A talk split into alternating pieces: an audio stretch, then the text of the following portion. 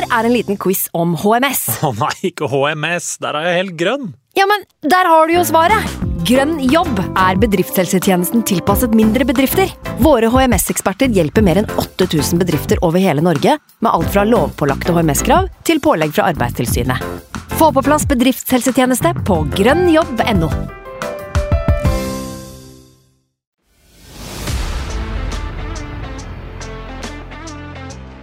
lose a duel, I'm upset. When I lose the small side game, I'm upset.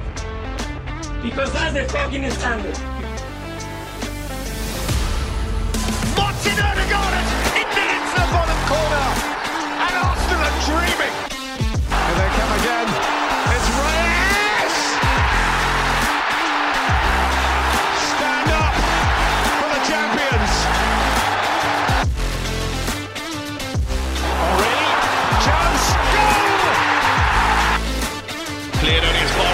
As has to get his shot right.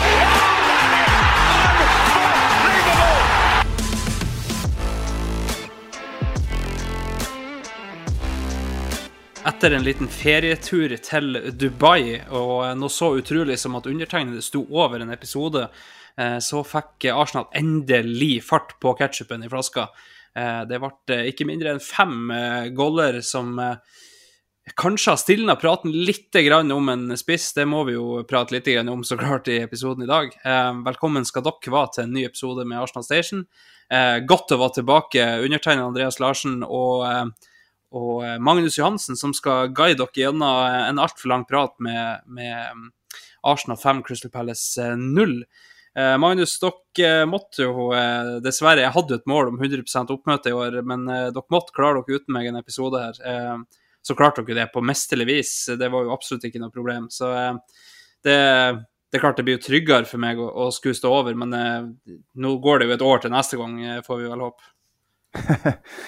Ja, det er utrolig hva plagiat kan gjøre med karrieren din. Så jeg håper ikke at det ble for mye copy-paste fra deg når jeg tok på meg ordstyrerhatten. Men jeg syns det gikk tålelig greit. Og jeg må jo innrømme at eh, selv om jeg elsker at du er med, så, så er det på en måte en viss lettelse med at uh, den egenmeldinga kommer òg. For det viser at du uh, evner å ta deg fem minutter av og til. Uh, det er viktig hvis man skal ha overskuddet til å drive med det her. Så og nå tipper jeg du er tilbake med lada batterier og 5-0 eh, i, i, i mente her. Så tror jeg det blir en jævlig god kveld. Og hilsen, hilsen også til Sivert, som er i London og har opplevd det her eh, live. Han eh, klager på pannekakeflat atmosfære på, på Emirates. eh, men det kan vi kanskje ta en mer prat om en dag senere. Men eh, det er Eh, jeg tror han allikevel har det ganske godt der han eh, nettopp eh, sa farvel til oss fra en pub i London eh, med god stemning. eh, så vi får sitte her, vi da, Andreas. Eh, og det er jo en av de Ja, det er kanskje den siste gangen før, eh, før vi på en måte også beveger oss inn i, eh, eh, i pubvirkeligheten, vi òg. Da skal vi jo på Carls om når det her spilles inn, så er det vel ni dager. Når det høres på, så er det åtte dager til vi sammen med Johan Golden går på scenen i Oslo. Så det er jo noe vi kanskje bør ta først her. Ja, uh, infotainment er jo fint å ta. Uh, både, vi tar det jo både til start og til slutt for å virkelig gni det inn her. Uh, det er jo som du sier at eh, neste tirsdag eh, så går vi på scenen eh, i Oslo. Det er jeg og du og Sivert, da, alle tre samla for første gang eh, eh, ever. Eh, og eh, så har vi vært så heldige at vi har fått med oss eh, Johan Golden òg, eh, som, eh, som stjernegjest eh, på vår livepod før eh, Nottingham Forest-kampen. Um, før det så er det jo FA Cup-helg, så vi skal jo, eller Arsenal skal jo ikke spille før det, faktisk. Um, ettersom Arsenal har funnet ut i år at uh, den cupen den orka de faktisk ikke å være med på. Uh, så um, det blir en, en festkveld for, uh, for Arsenal og for fotball og for oss, ikke minst. Det her har vi sagt mange ganger, men det her er noe vi har hatt lyst til jævla lenge. Og, og nå har vi endelig fått det til. Det er Uteplassen heter Karls, det er på Carl Berners plass. Um, adresse, alt ligger på eventen. Hvis du går inn på Facebook eh, og, og går inn på sida vår, så ligger eventen der. Går du inn på Ticketmaster og søker på Arsenal Station, så finner du det der. Eh, det er 170 kroner på Ticketmaster for, eh, for billett. Uh, og, og, vi har jo fått litt sånn pekepinn, Magnus. Det begynner jo å, å bli, uh, bli, en del folk faktisk som, som, har lyst til å komme og høre på oss. Det er jo, det er jo smått utrolig. Uh, så har jo Sivert òg vært såpass frampå at han har lova en billett til, til neste sesong til en vinner av en, en quiz. Den quizen kommer til å inneholde, etter jeg har forstått, litt ymse både fra på en måte podhistorien vår og, og Arsenal generelt. Så ja, det er jo ikke så mye eh, mer å se enn det er bare å komme seg ut. Eh, klokka seks åpner dørene, klokka sju går vi på. Eh, klokka åtte er vi ferdige, og klokka halv ni så er det Arsenal Forest. Så vet ikke, Magnus, er det noe mer vi må, vi må nevne før vi går videre til, til, kamp? Det finnes jo noen som ikke er like ivrige på sosiale medier. Så kan jo gjenta at det er Eh, mulighet til å kjøpe seg mat, både i lokalet der, tror jeg. Eh, jeg så, de har jo hatt offisiell åpning, Carls, nå den helga her. Eh, mm. Hvis vi går på Instagram-siden til Carls, så tenker jeg at det er en ganske stor bonus at det er Carls som er arrangør. Det er en ny hotspot i Oslo-gryta, det er det ingen tvil om. Der er vel, er vel Freddy Dos Santos er vel inne på markedssida der. Og det er ganske mange celebre mm. gjester som er innom. Det er en skikkelig stor og kul plass med pizzaovn og pølsekiosk og veldig fint interiør. Diskokule i taket der, veldig høyt oppunder taket. Veldig stor skjerm vis, som viser Arsenal.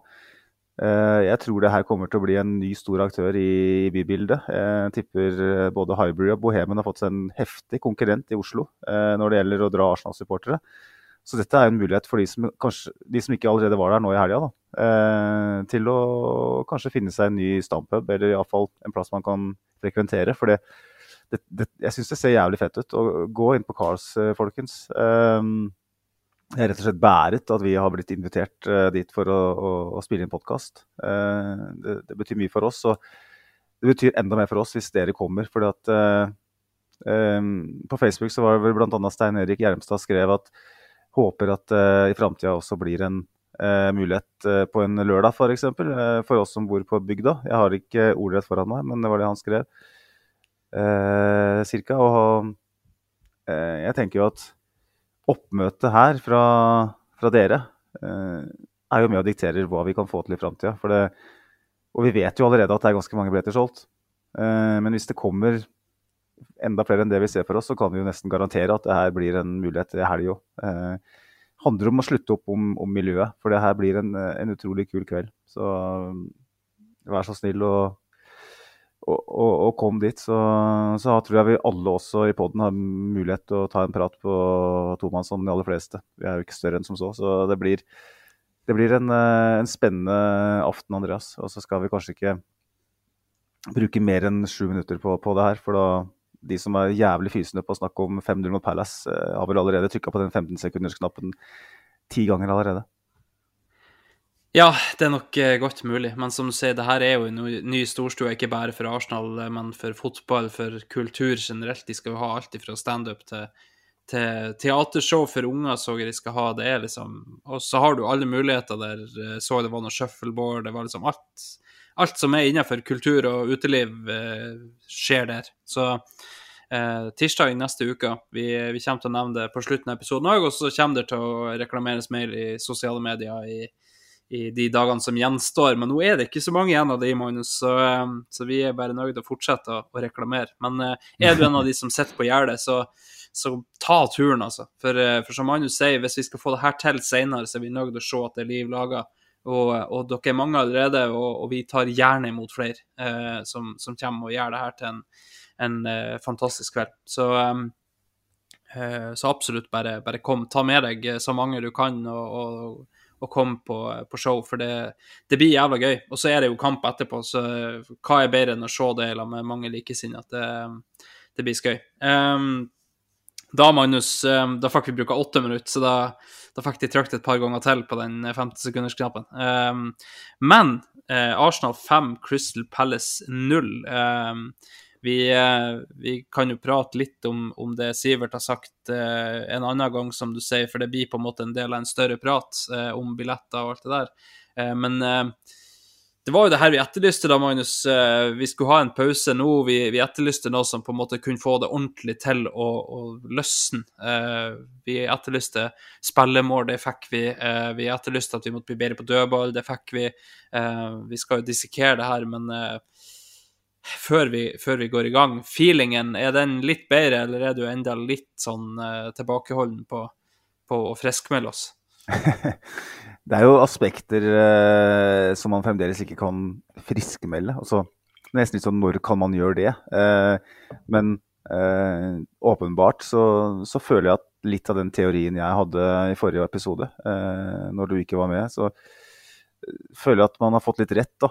Eh, veldig tydelig vært lenge nå på at hvis vi fortsetter å produsere så mye, og fortsetter å slippe til så lite, spille den fotballen vi har gjort, med det beste grunnspillet i ligaen så langt denne sesongen her, eh, så vil, så vil de ballene begynne å fly i nettet.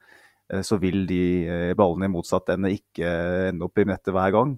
Man vil få uttelling, fordi at det er helt, helt unaturlig at det ikke skal skje. Det handler bare om å bevare troen på det man gjør, og fortsette å spille så god fotball, så vil man på et eller annet tidspunkt belønnes. Om det er nok til å vinne Premier League og, og sånn, det er en helt annen diskusjon. Men vi har snakka om nå at Arsenal på en måte er i akutt dyp krise eh, offensivt for at vi ikke setter ballen i mål, men jeg har vært ganske rolig på at det, det handler egentlig eh, om eh, ikke bare uh, evne og utførelse, det handler litt om tilfeldigheter også. Og jeg tror det var en jeg, pleier å kalle det en sånn Lacassette uh, i kriseskåring. Når Lacassette hadde måltørke, så ble det som regel avbrutt av en sånn kanskje styggeste skåringen som har blitt scora på Emirates. da. Skudd via egen fot. Uh, en gang husker jeg, jeg tror det var hjemme mot Newcastle eller noe sånt, hvis jeg ikke husker feil. Så hadde han den mot Wolverhampton. Den, jeg vet ikke, Han fikk vel ikke kreditert den, men en overtidsskåring mot Wolverhampton for to sesonger siden. Da hadde, ikke, mm. da hadde jo Lacassette hatt, en sånn eh, ti-tolv-kampersrekk igjen, hvis jeg ikke husker feil, hvor han ikke hadde scora. Han skåra vel mot Tottenham òg, der han sklir og ja. Det, ja. Han hadde mange rare skåringer. Men, men, ja, ikke sant? Men nok om Lacassette. Poenget mitt er at vi, vi bare trenger at, uh, at, en ball går inn. da. Uansett hvor, mm. som, hvordan det skjer, liksom. og på rett tidspunkt. At timing er god. Sånn som tidlig i hjemmekamp mot Crystal Palace.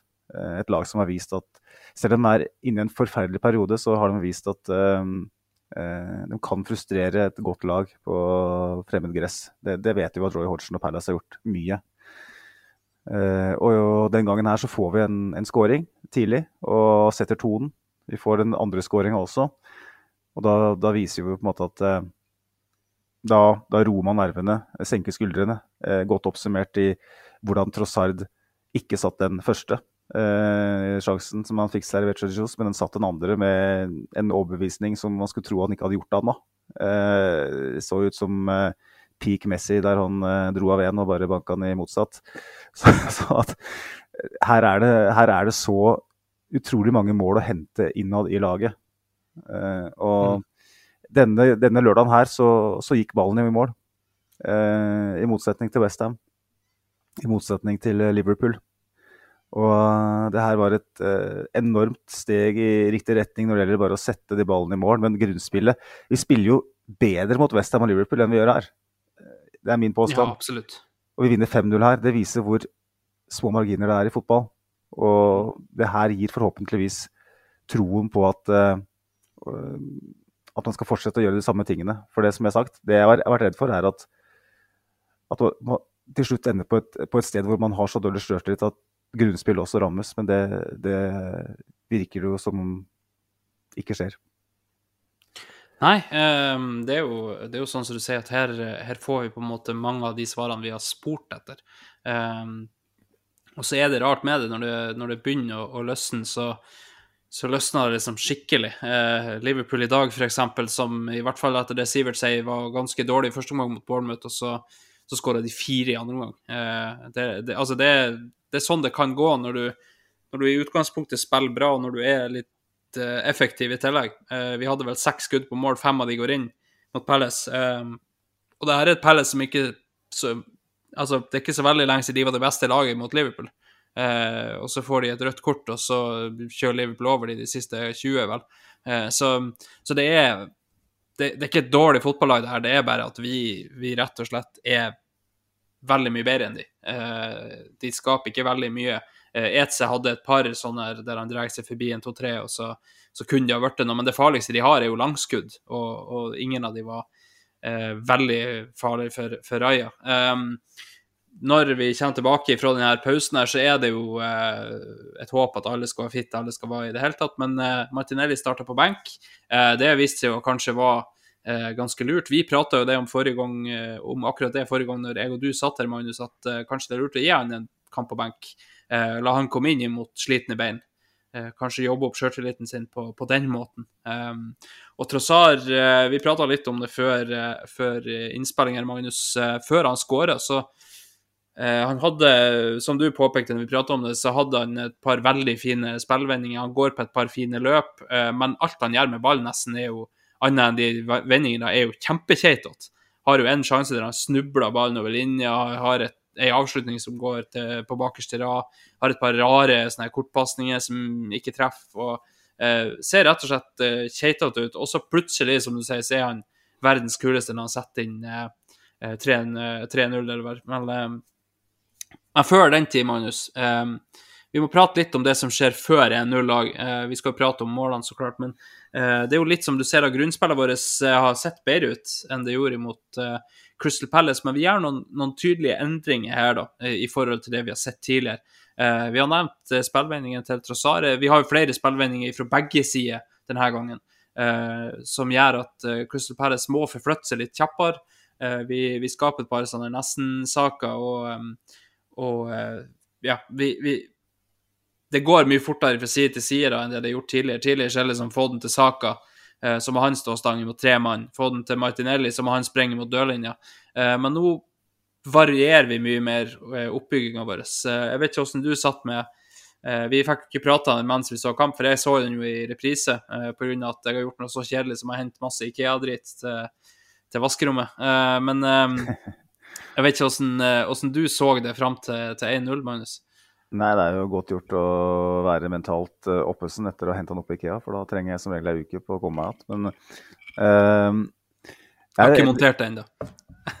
Nei, ikke sant. Det, da er ikke du med neste søndag. Det er vel sånn det er, da. Uh, altså, jeg er helt enig med alt du sier her, egentlig. Og jeg vet ikke så mye å legge til, annet enn at uh, jeg syns vi løser frispillingen helt enormt i den kampen her. Og det er ikke bare det at vi bruker banebredden og de spillvendingene som spesielt Rosario står for og Zinchenko står for, er, er veldig skarpe.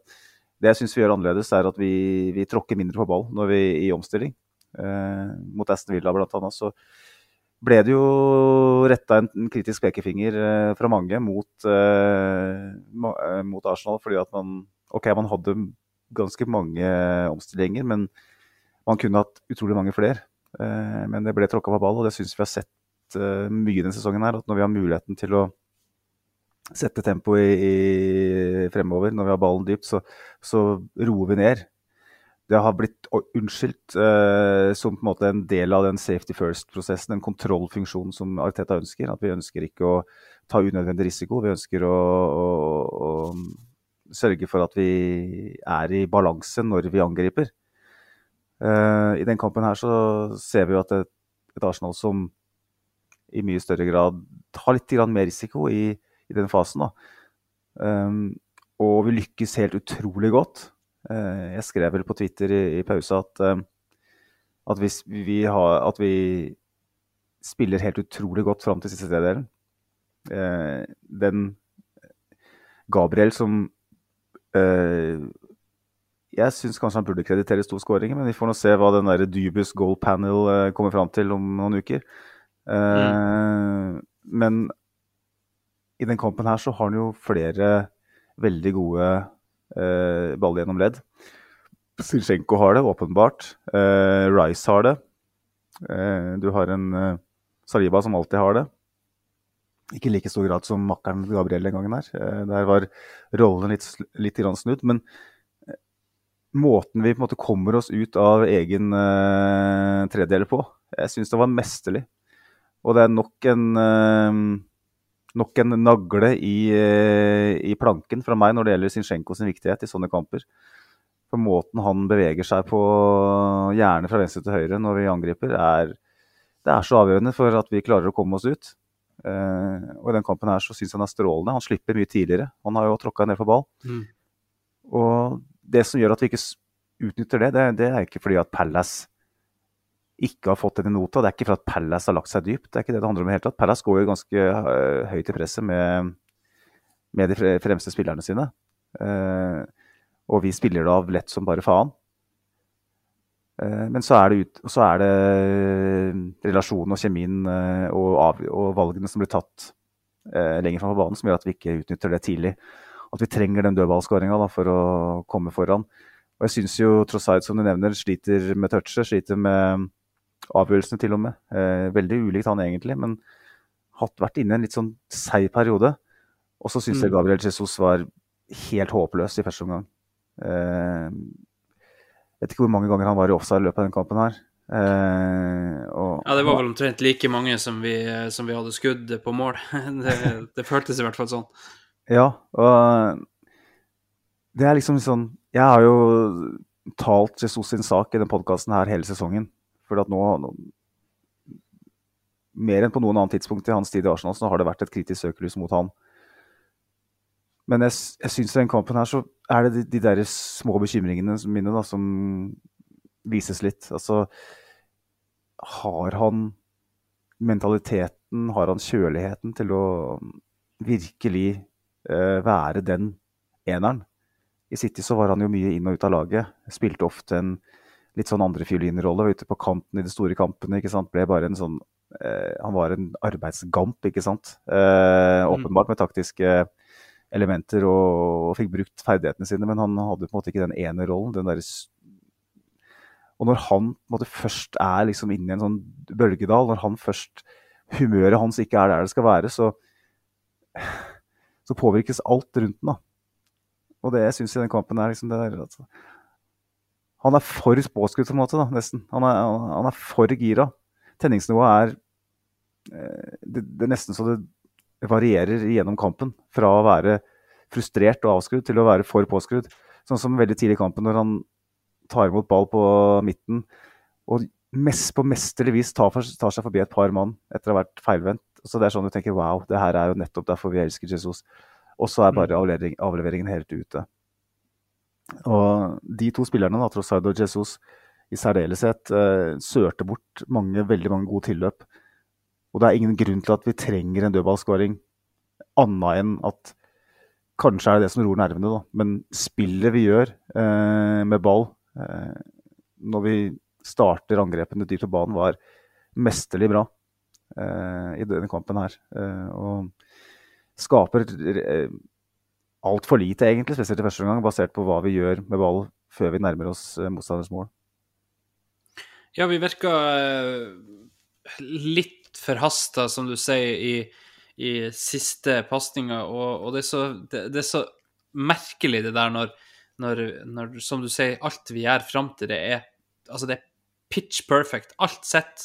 Eh, Raja drar på seg en mann, spiller til Saliba, så er det plutselig en sånn vegg som hender opp hos White. White slår til Ødegaard, er vi framme igjen. Eh, og så, så er vi liksom Vi er så on point helt til vi kommer til det fremste leddet, og så skal vi enten ei avlevering gjennom, eh, gjennom forsvarsleddet, eller eh, hva det nå enn er, og så er det det som ikke sitter.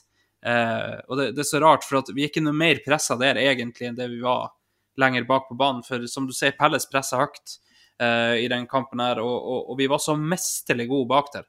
Og så, ser jeg sånn Det, det løsna jo etter hvert, da. Eh, Jeg syns Jesus, eh, som du sier, i første omgang hadde han ikke noe spesielt bra omgang. Andre omgang så tar han seg opp. og og vi har en par situasjoner der vi ser noe fra Jesus vi ikke har sett på en stund. Det er at han drar seg løs og skyter.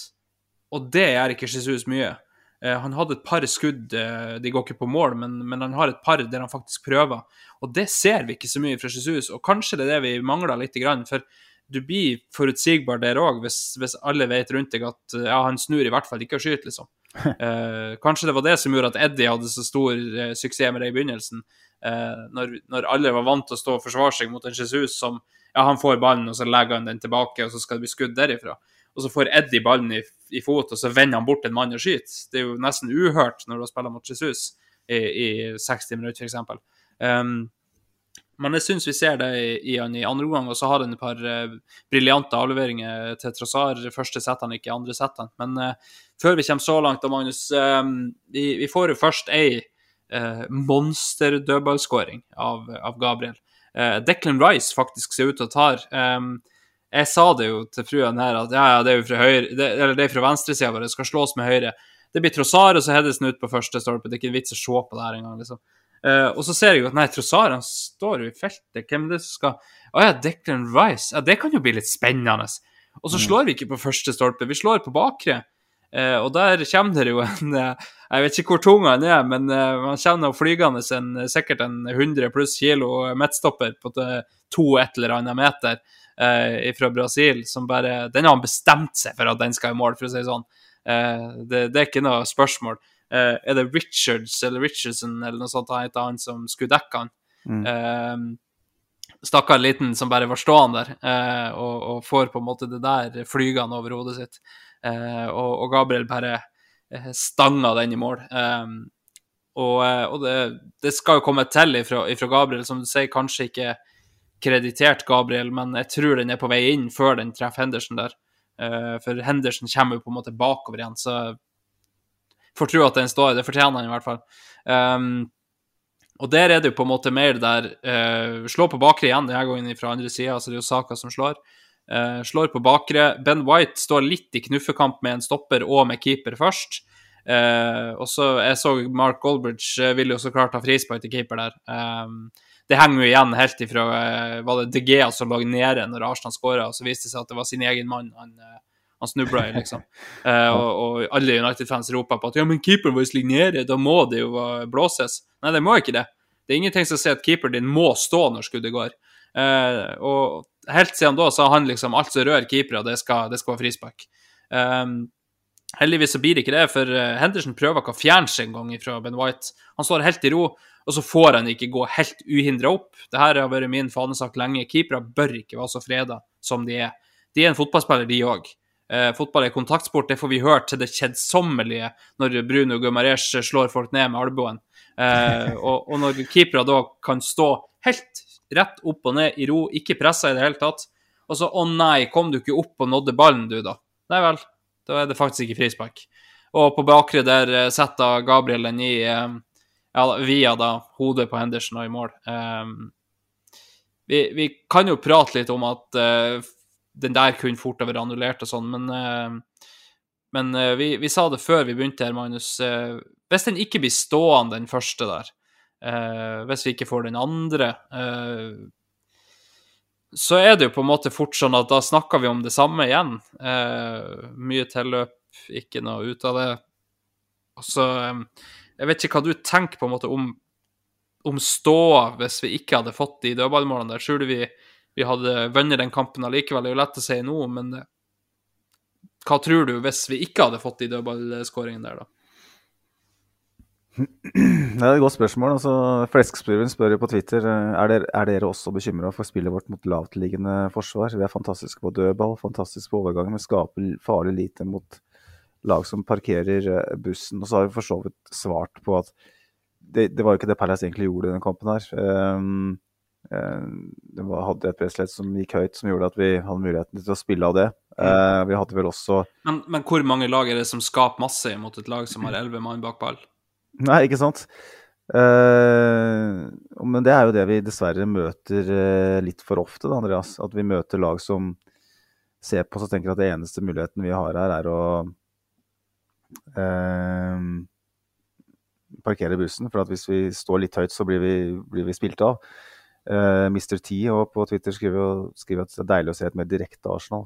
Um, tar sjansene når de kommer, osv. Um, men uh, klart det er lettere å være direkte når, uh, når det er rom å, å, å slå i. Uh, og jeg har allerede hatt en lengre avhandling om akkurat det her. men det er klart at ja, det er en, det er en, en bitte liten bekymring, selvfølgelig, at vi eh, kanskje har litt å bevise mot, uh, mot dype blokker. Da. Men det handler jo om å få det der i målet, da.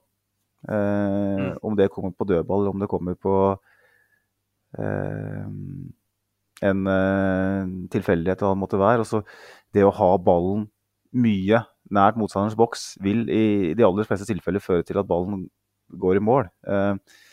Og de aller færreste er gode nok heller, av de møter på Emirates, er heller gode nok til å forsvare seg mot Arsenal i, når vi kommer med mm, vår første rekke. Eh, og det er mye tilfeldigheter at en ball eh, da ikke går inn, da, kontra at han går inn. Eh, det har vi også snakka om.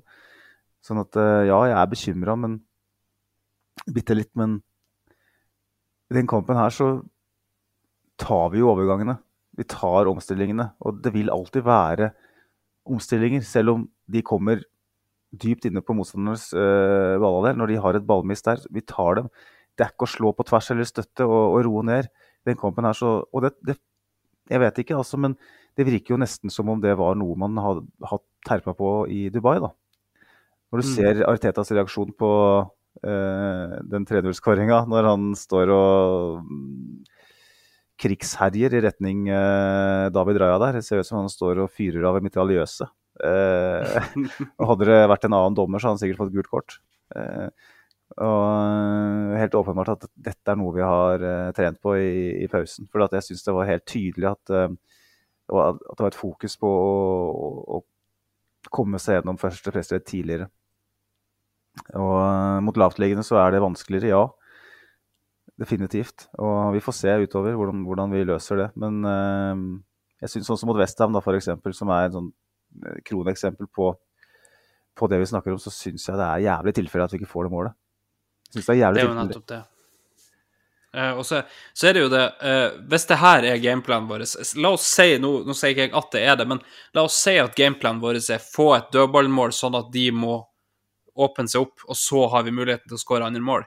Eh, nå har vi veldig veldig mange dødballer, men det kommer naturlig av måten vi spiller på, hvor mye vi har ballen der. Men så god som vi kan være på offensive dødballer, med Gabriel f.eks., det er jo ikke noe dårlig plan, for så vidt. Altså, eh, å være såpass eh, effektiv som vi i denne kampen er på dødballer, eh, da spiller du jo på et, et våpen du vet du har. Altså, å slå i bakrom på Sala, det er et våpen som Liverpool vet de har. Og du må jo bruke de våpnene du har sant, på å skåre mål. Det er ikke en dårlig plan i så fall, hvis vi sier at vi skal presse hardt på målet. Får vi en dødball og får et mål der, så vet vi at da åpner kampen seg. Eh, og så er det ikke det som er plan A, det er ikke det jeg sier, men, men det må være en av på en måte, de godkjente rutene ut av en kamp. Fordi at eh, vi kan gjøre det såpass bra, og det gjør vi i denne kampen her.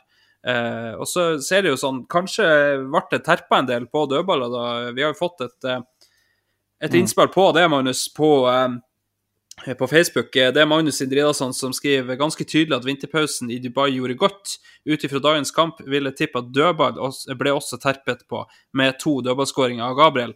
Um, og så, eh, så er det noe Martinelli som vi kan ta litt senere, men eh, Bård Hegseth uh, følger opp med at uh, leste et sted at de hadde terpet mindre på dødballer enn vanlig. Litt tilfeldigheter, men vi er jo uansett det beste eller det laget som har flest dødballskåringer i Premier League. Eh, det kommer naturlig av at vi har ganske mange flere dødballer enn enn neste lag, og at vi har gode folk på dødball. Men, men vi ser jo en annen type dødball enn det vi har sett i det siste. Og så sa jo jeg det til deg før innspillingen, Magnus. eh, Hvor mye får man terpa på dødballer når du spiller tre kamper i uka? Ingenting. Det vet vi jo. Altså det, det vet vi folk fra klubbene har sagt. Eh, når du spiller søndag og så eh, onsdag, f.eks., så er det restitusjon mandag, eh, trening tirsdag, kamp onsdag. Og den treninga på tirsdag bør dreie seg om kamp, ikke om, eh, om dødball. Eh, så det vet vi jo. Det er de her på en måte periodene der f.eks. nå, da, eh, fram til tirsdag spiller de ikke. Da har de en del tid til å se på sånne ting i tillegg til grunnspill. Eh, eller en pause i Dubai som vi nå har hatt. da. Vi har jo vi har prata mye om at vi må gjøre noe annet enn å bare stå på første, for det ser så dumt ut. Men hvor mye tid har de hatt til å prøve noe annet på trening? Eh, nå har de åpenbart fått tid til det. Og vi ser kanskje at vi høster fruktene av det nå imot eh, Crystal Palace. Jeg vet ikke dine tanker om, om akkurat det.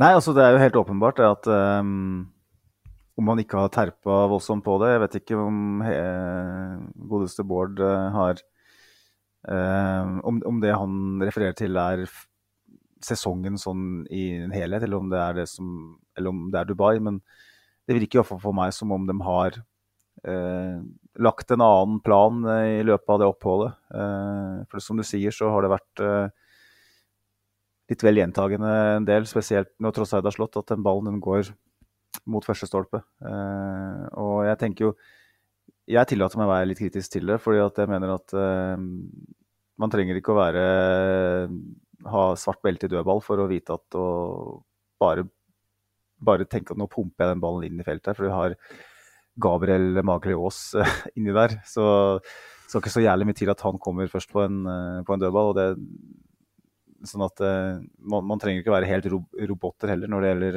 en dødball. Men eh, det var jo veldig interessant å se at det er Declan Rice som slår corneren. Saliba gjør den samme bevegelsen på tre cornere. På to av dem blir det mål. Han åpner det rommet for Gabriel med sin bevegelse. Det er jo to stoppere som utfyller hverandre like godt i begge bokser i disse dager. Og det funka som bare faen. Så vet vi jo det at eh, Nottingham Forest sitter jo nå og noterer eh, foran mm. den tirsdagskampen. Og eh, vil jo sannsynligvis gjøre alt de kan for at det ikke skal skje igjen. Så det er jo litt av problemet da, når man spiller som Nå, nå spiller vi jo lite. Nå har vi muligheten, Arsenal har jo nå tid til å faktisk legge en, enda en slagplan. Eh, man må ha flere S i ermet. Man må ha tre-fire forskjellige planer som man kan variere på, sånn at det er vanskelig for motstandere å vite hva som, hva som kommer. Men det er klart at det er helt åpenbart at Nottingham Forest nå kommer til å være veldig klar over akkurat, den, akkurat det grepet. Så jeg vil bli overraska om vi klarer å skåre et mål på, på, det samme. Men det er helt åpenbart at, uh, at det har blitt trent på. Og uh, mm. som du sier, dødball det er uh, Det er et våpen som alle andre. det å være god på dødball det er omtrent like kriminelt som å ha en god keeper, på en måte. Som mange sier at sånn som United ble mm. kritisert i mange år for å ja, de slipper til for mye og sånn, liksom, men de hadde dem digga mellom stengene. Men det, det, er jo, det, er jo, en del av det. Det er lov å ha god keeper. Det er lov å være god på, på dødball, ikke sant? Og, Absolutt. Når du har flest dødballer i ligaen, så da er det dumt å ikke trene på det. da er det dumt å ikke utnytte det. For det er jo en av um, konsekvensene med å, å møte dype blokker ofte, er jo at det blir veldig mye dødball. For det blir pressa veldig mye til sida. Det blir mange innlegg som blir blokka ute corner. Og um, da er det veldig dumt å ikke trene på det. For da blir det en mm. viktig del av måten du, du skaffer deg skåringer.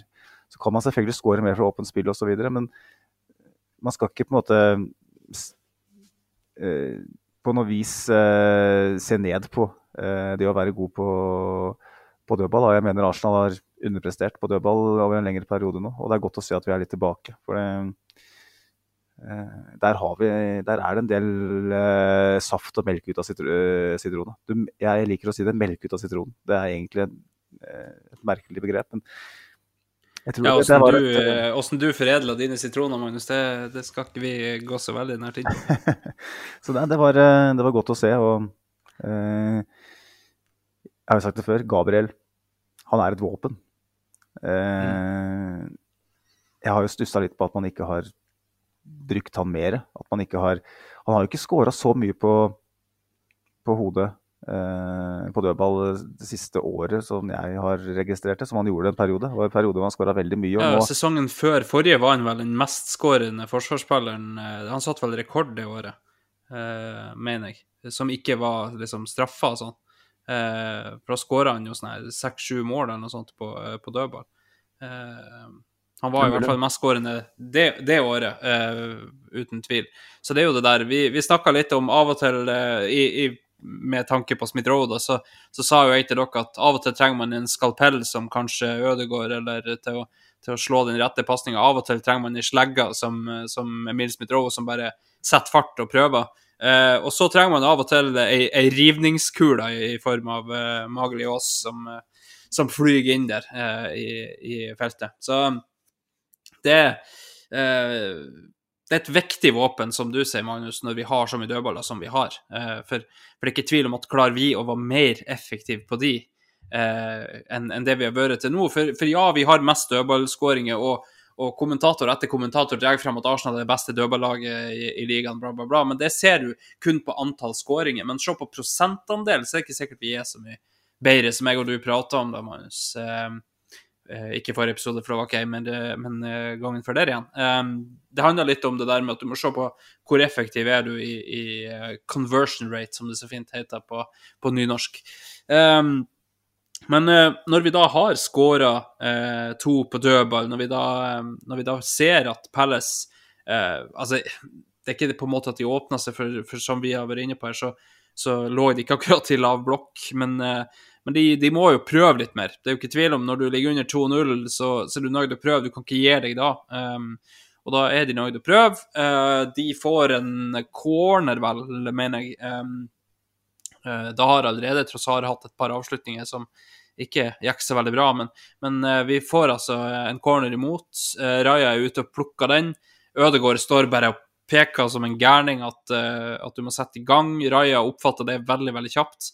Nydelig igangsatt til Jesus, eh, som venter til akkurat det rette øyeblikket. Eh, og, eh, og, og slipper den da perfekta til, til eh, Trossar som sier takk for maten og, og legger en kar eh, til sides og, og plasserer den i, i bortre. Da står det tre. Vi har endelig fått et spillemål. Eh, vi, eh, vi føler kanskje at, eh, at det var det vi, vi mangla. Før det, så Jeg sa det jo til deg, eh, Magnus, at før det så satt det liksom at ja, vi leder 2-0, men vi har ikke spillemål ennå. Og så sitter du der på 3-0, og så Ja, ja, vi har jo et spillemål, men eh, hm.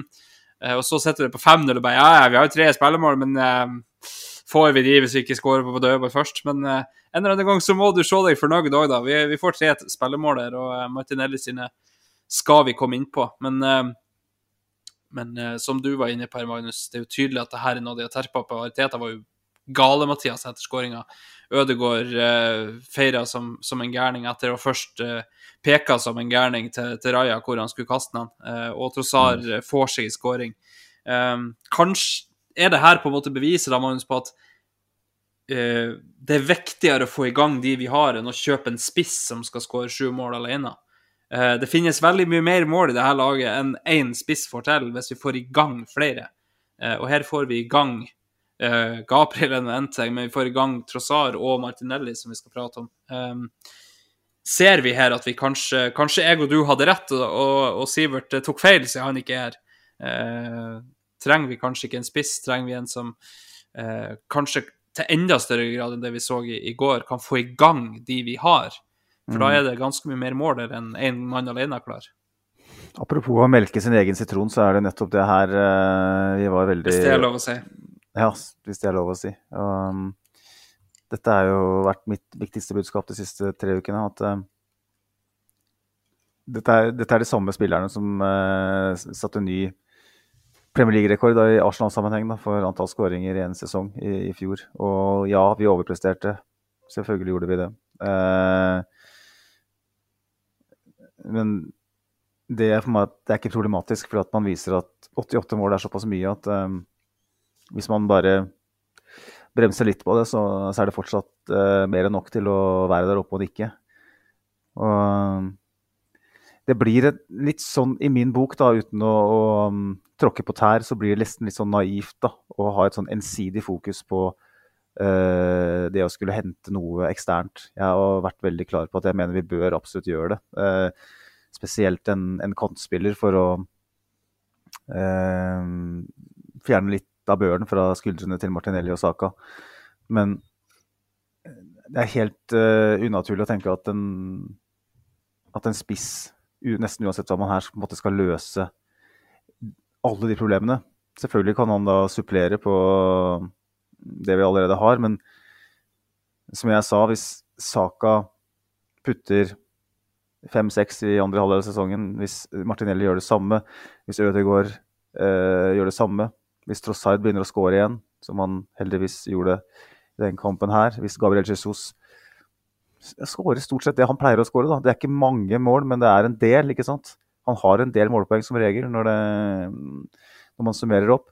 Så, så, er det såpass mange mål innad i laget at jeg er på en måte ikke helt med på den der tankegangen om at at vi, ikke kommer til å skåre mål hvis vi ikke har en, en ny spiss. Um, en helt annen debatt liksom, hvis man spiller en toppkamp mot Liverpool eller Manchester City og, og kanskje har tre sjanser i løpet av kampen, så trenger man en spiss som, som setter den ene sjansen han får. Men Mm. det er en overkommunisert uh, greie da, i min bok. Fordi at hvem er det som brenner flest sjanser, store sjanser i Premier League? Jo, det er Haaland og Sara, det. Som yeah. Sivert sa i forrige episode, volum er alt. Selvfølgelig Mm. hjelper det å ha Haaland der, for at Haaland han kommer jo til utrolig mye sjanser. Ikke bare fordi at han, er, eh, han har gode servitører, men fordi at han er, han, han er så ekstrem på å løsrive seg og, og dundre inn i dette rommene.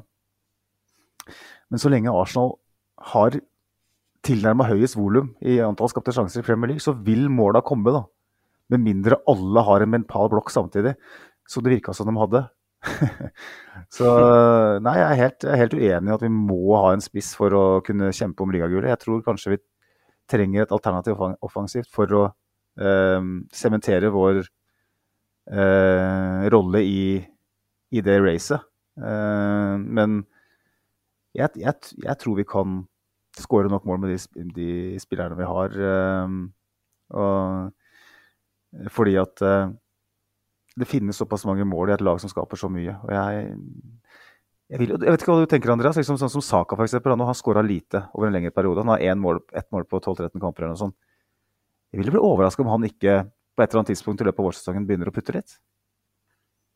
Ja, og han er jo en sånn type som den førstespissen som mange vil ha. Som, som gjør det litt alene. Som kan sette den ene sjansen eh, når han er i form.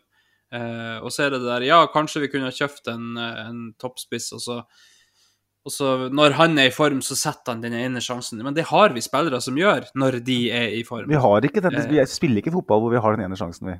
Vi har Nei, vi, skal skape masse sjanser. Det, det er jo det som er hele poenget med fotballen vi spiller. Eh, Det er jo bare det at vi har jo allerede en Saka som kan køle den inn fra 25. Vi har allerede en, en Ødegård som kan være dødelig effektiv på, på skudd ifra, spesielt fra kanten av 16. Vi har en Martinelli som kan, det viser han her, sette fart alene og, og sette den. Det er, det, er liksom, det er så mye mål i det laget at vi trenger ikke en til som, som skal sette hver sjanse, liksom. For det er ingen som setter hver sjanse. Vi, vi kommer til å skape såpass mye at målene de kommer. Eh, og så er det, Jeg kan være med på det at neste steg er en spiss. Mm, Absolutt. Helt klart. Eh, det, det, det skal ikke jeg krangle på. Eh, men jeg, jeg kjøper ikke den. Det er så mange nå, eh, Mark Goldbridge f.eks., som, som sitter og sier at Arsenal de har ingen sjanse på ligaen, for de har ikke en spiss. Ja, Men Liverpool hadde jo heller ikke en spiss når de vant ligaen sist. Altså, Firmino skåra ikke et eneste mål på Anfield den sesongen de vant. Ikke ett mål på hjemmebane hadde han. Men de vant ligaen for det. Mm. Altså, det, det og Ja, vi har ikke en Sala, men, men vi har mange som kan skåre mål. Eh, og så er det sånn eh, City før Haaland, ja, Aguero skåra en del mål, men han hadde en del sesonger der han var mye ute òg. Da hadde ikke de. Da hadde de faktisk Jesus. Ja, de vant jo ligaen med. De vant jo ligaen et år uten Aguero òg. Ja, ja, ja.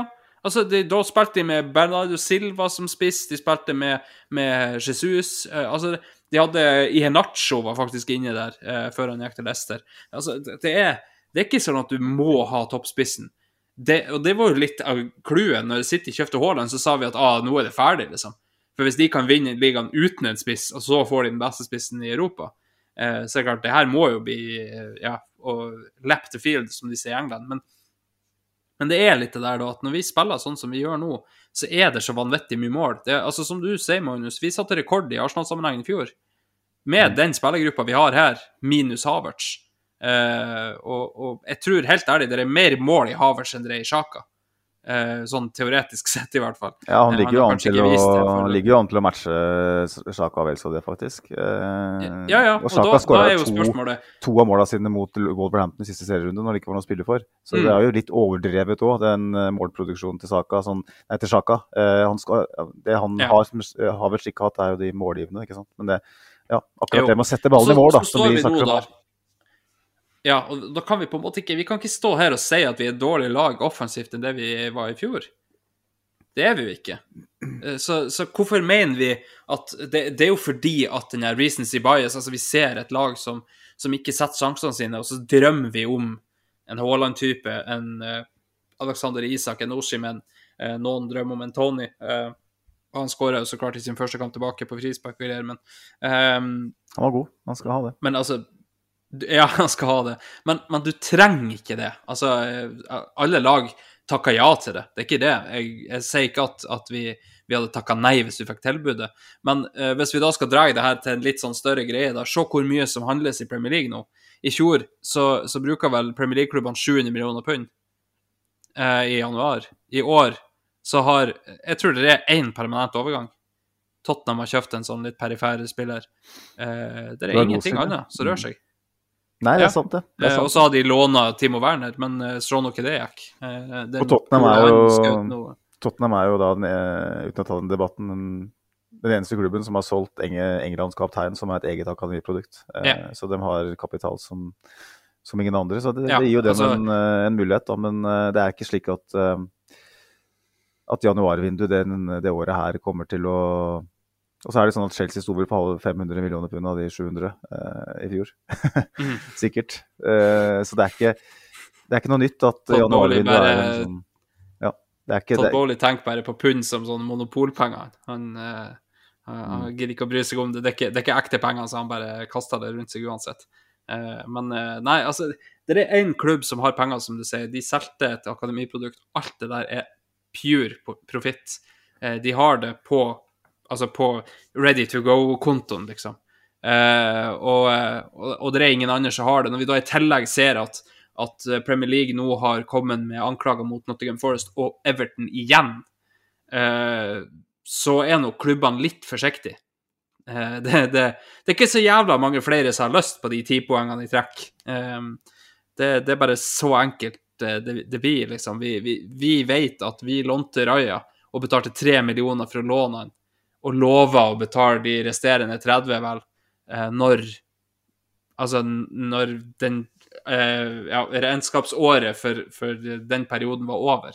Fordi at vi har ikke pengene til det.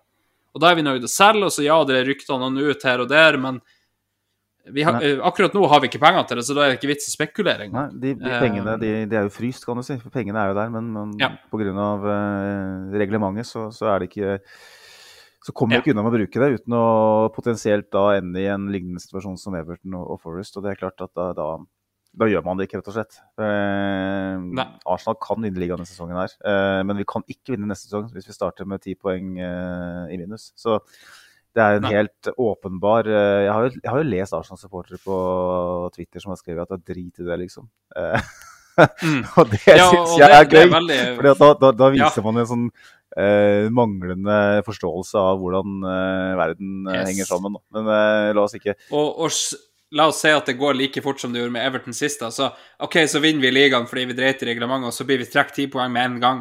Og så kommer vi på tredje-fjerdeplass. Ja, det, det, det er Var det verdt det da, liksom? For det er sånn som. Forest, for, uh, Forest og sånn, og Everton for så vidt. Og det er jo poeng som blir trykket i inneværende sesong. Da. Jeg vet ikke om det Mm. ja, La oss ikke spekulere i hvor, hva eh, et eventuelt Tony-kjøp ville gjort med vår økonomi denne sesongen her. Men ikke økonomien, men med, vår um, skikkethet i, når det gjelder da Ja. financial fair play. Uh, bare sånn, eh, så ikke glemmer det, Andreas. Eh, de, de tallene jeg så på, de få tallene, for at jeg har ikke engang eh, sett uh, høydepunkter fra en eneste match og sånn i dag, men jeg satte meg ned i fem minutter og så på noen, noe jeg har vært litt nysgjerrig på. Um, Mm. uh, apropos det vi akkurat egentlig snakker om, det der med uh, at, at vi liksom er så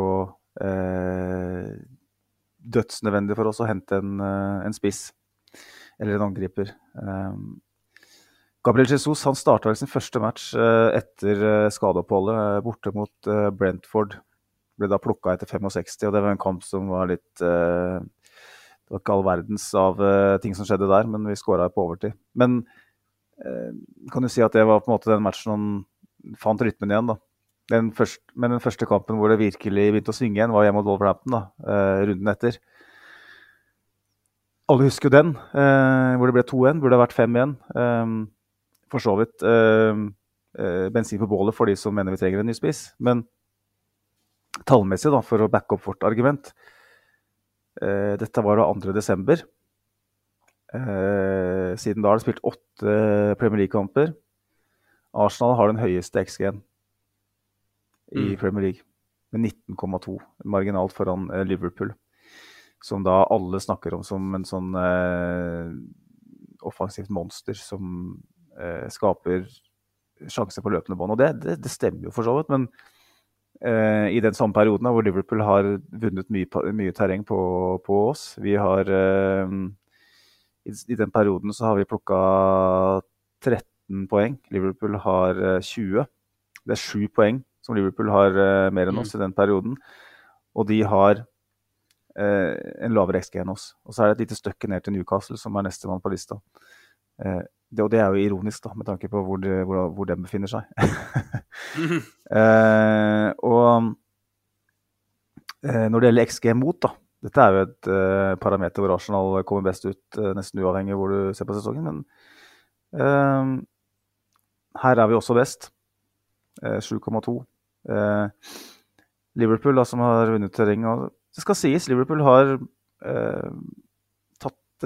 steg akkurat eh, her. Eh, de er 8,3, eh, så de er ikke så De overpresterer eh, med bitte litt, mens vi underpresterer bitte litt. Og så når det gjelder de offensive tallene, så overpresterer de voldsomt, mens vi under, underpresterer ditto voldsomt. Eh, men sånn Hvis man da begynner å snakke om XG-differanse, eller målforskjell, som det vel man kan kalle det, eh, så så er det jo liten tvil om at her er det eh, en differanse. Arsenal har høyest såkalt expected points. Eh, med 18 på åtte kamper. Liverpool nummer to med 15,9, nesten 16. da. Så ifølge XG så burde vi ha plukka to poeng mer enn Liverpool i den perioden, men vi har, vi har plukka sju færre, så det er ni poeng. Og så skal vi selvfølgelig ikke bruke XG som et parameter på alt, men jeg syns det er interessant. For det bekrefter det jeg har sittet og sett på. Arsenal har fem poeng Mm. mindre enn det XG-en sier, mens Liverpool har fire mer. Og jeg mener at det er um, Ja, vi har ikke Salah, vi har ikke Alison. Uh, men jeg mener det viser at til tross for det, hvis vi fortsetter å spille bedre enn Liverpool, hvis vi fortsetter å spille bedre enn Manchester City Dette er en periode hvor Arsenal har blitt uh, avskilta og osv., men vi har vært det beste laget i Premier League uh, på underliggende tall i den perioden. Og det, Mm. hvis, hvis du har sett ned sett på Arsenal, ikke bare uh, resultatanalyserer, uh, så er det mulig å, å se det. Eh, så for meg så er det sånn Så lenge det ikke her fortsetter å blø, så lenge vi på en måte begynner å Om ikke overpresterer, men bare presterer på normalen, at vi ligger rundt XG-en, så vil Arsenal eh, være en soleklar tittelkandidat eh, så lenge vi ikke taper mot Liverpool. Og jeg håper ikke eh, de som eh, hører på nå, blir irritert på meg og, eh, fordi at jeg er så positiv eh, som, som den negative tredelen av Arsenal Station Pod. Men jeg, vet, jeg syns det er interessant å høre hva du og tenker, Andreas, om det her. fordi det har jo vært veldig mye snakk om at, at det titteltoget her har spora av. Eh, men hvor, hvor mye kan vi legge i de tallene? Nei, de tallene viser jo egentlig at eh, Altså, alle, alle sier jo alltid at tabellen ikke lyver, men her lyver den jo litt. Grann, ja. Eh, fordi at eh, Vi vet i fjor så overpresterte vi bitte litt eh, med, med måten vi skåra så mye på i det hele tatt. Men, men i år så har vi underprestert ganske mye, og du underpresterer ikke over tid, egentlig. Eh, det er i hvert fall veldig sjelden. Eh, og, og vi, vi har kommet til sjansene, vi har spilt bedre. altså eh, Annet enn eh, en siste kamp før pausen, vel, så, eh, så har vi ikke vært ordentlig dårlig. Altså, Fulham-kampen var dårlig. Eh, og, og der var det ikke sånn at Fulham var kjempemye be- bedre enn oss heller. Det var bare at vi var, vi var dårlige. Mm. Uh, og vi var for dårlige for oss sjøl, er det vi har brukt å si. Uh, ellers så har vi vært på høyde og bedre enn alle vi har møtt. Det inkluderer Liverpool og City. Uh, og, um, og det syns jeg jo viser jo at, at det tallene sier, og det øynene våre har sett, og, og det, det liksom Alt det der blandes i hopen til det vi har sittet her og sagt.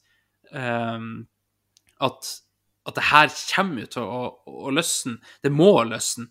Eh, og, og, det var liksom én av to. Enten så knekker det her fullstendig, og så blir vi dårlige fordi vi ikke får til.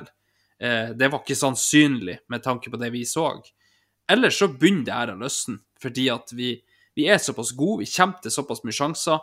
Vi, vi er så nære å, å, å, skape enda mer enn det vi har gjort. Eh, det er liksom siste pasninga, det siste bevegelsen, det er en Jesus i offside, det er altså eh, småting det visste vi at enten så løsna det, eller så knekk det her helt i hopen. Og, og, som jeg sa, det var aldri sannsynlig at det skulle knekke eh, sånn som det så ut. Så, så de tallene her, de backa jo egentlig for meg opp det vi har sittet her og sagt, at, eh, at ja, det er jævla kjipt at vi slipper så mye poeng, det er jævla kjipt at vi ikke får uttaling, men det her kommer til å, å løsne.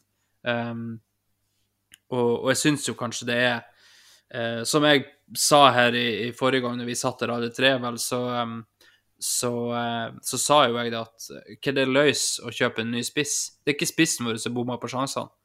Uh, det spissen vår som er med på å sette opp masse av sjansene. Så, så, hva det løs å kjøpe en spiss? Vi må først sette sjansene våre, og så ser vi da hva vi har behov for. Mm. og så setter vi sjansene våre nå på Crystal Palace, og så ser vi at når vi faktisk er noenlunde så effektive som man skal være, så, så, klarer vi oss veldig fint med det vi har. Um, så de tallene her de beroliger jo meg lite grann, da. Um, veldig fint at, at, du har tatt de med. Eh, det, det, gjør meg egentlig bare mer trygg på at det jeg sjøl har tenkt, og det jeg har sett, det stemmer. Og det er ikke noe Det, ikke, det overrasker meg ikke heller, de tallene. Nei, det er jo ikke det. Så vi har jo sittet og sagt det her egentlig hele, hele tida. Um, ehm, så det er veldig beroligende, egentlig. Det viser jo at vi er ikke, vi er ikke totalt uh, sanseløse og, klin kokos, rett og slett. det er ikke det. Vi sier jo ikke at det betyr at Arsenal er favoritt til å vinne Premier League. Det, bare, det, det, det sier, er at, nei, nei. at, vi er gode nok til å være med og kjempe. Og, mm. og det, det, mener jeg. Og Arteta han fikk jo litt uh, tyn nå i foran Palace-kampen. For han sa vel i pressekonferansen at uh, hvis du ser på tallene, så er Arsenal topp, topp, topp. Så blant annet Orbinio, da, som er ekstremt god på tall, men som er også ganske negativ og litt blærete overfor uh. Ariteta. Uh, skrev at det er tøysete av Teta å gå ut med sånt når man så enkelt kan gå inn og se på tallene og viser at det ikke stemmer. Men Ariteta refererer sannsynligvis til de tallene vi nettopp har servert her. Mm. Fordi at det er en helt tydelig trend de siste, siste åtte-ti kampene, da, kan du si, om at Arsenal presterer på skyhøyt nivå. Og kunne han spesifisert det, Arteta, for å på en måte sørge for at folk vet hva han snakker om? Ja, kanskje kunne han gjort det, da. For det er klart det, det er mange surmange kritikere der ute da, som vil si at ja, men herregud, det stemmer ikke engang. Eh, slutt å messe. Eh, men eh, han har jo et poeng tall, tallene er kjempegode, og tallene er viktige. Eh, for det forteller den historien som vi, som vi har sittet og sett på. Um, nå, har vi snakka mye om det, Andreas. Um, jeg vet ikke Ja, vi har ikke nevnt de to siste målene engang. Nei. Eh, Martinelli som eh, meld, meldte jo det før, uh, før matchen da, til min til, han som, De skoene som du har på beina nå, Simen Gofeng sine. Simen hadde en liten utveksling på Messenger og skrev litt sånn, tenkte at, håpefullt at ja, men vet du at Martinelli ikke starter. Det kan kanskje være litt, litt spennende. fordi at han har skåra to mål denne sesongen. her. Det ene det var jo som innbytter mot City, eh, når han kom med friske bein. Um, føler at uh, han trenger et kampbilde og en situasjon som gjør at han kan bare ja, som jeg sa da, få det derre kriselakkassett-målet sitt. Eh, det var jo ikke det han fikk i det hele tatt. Det var jo to nydelige mål. Men jeg vet ikke hva du tenker, Andreas, men alle har jo sett de måla, så vi trenger ikke akkurat å sitte her og, og skildre dem. Men jeg føler jo at måten Nummer én, nummer én var jo en veldig god bevegelse og en helt grei avslutning. Nummer to var nesten som en konsekvens av uh, nummer én. Måten han, uh, Det første touchet hans der, løpet selvfølgelig òg, men første touchet, og så den avslutningen det var, eh, det var, som se Lacassette som hadde satt den i via foten etter dagkampen da kampen etter, kan du si. Det, hvordan opplever og så er det, er det grunn til å tro at nå Eh, er det det han trenger, liksom? Det er vanskelig å svare på, selvfølgelig. Men han så jo nesten ut som en annen spiller etter den første skåringa. Ja, altså Andreskåringa, der er det jo Det oser sjøltillit av han. Eh, og det har det til de grader ikke gjort eh, så langt denne sesongen. Han får jo en før, eh, før han får førstemålet, der han får ball. Det er to muligheter. Gå ut, gå innover. Det er masse folk innover. Han velger å gå utover. Det ender ingenting. litt sånn som vi har sett tidligere i sesongen. Og så får han den da første skåringa. Jeg sa det til deg før innspilling her, Magnus. Se på han når han får ett valg. Når det er ikke er noe annet enn å sette fart og gå for det. Uh, vi, vi, har beskyldt Martinelli for å, for å, tenke for mye.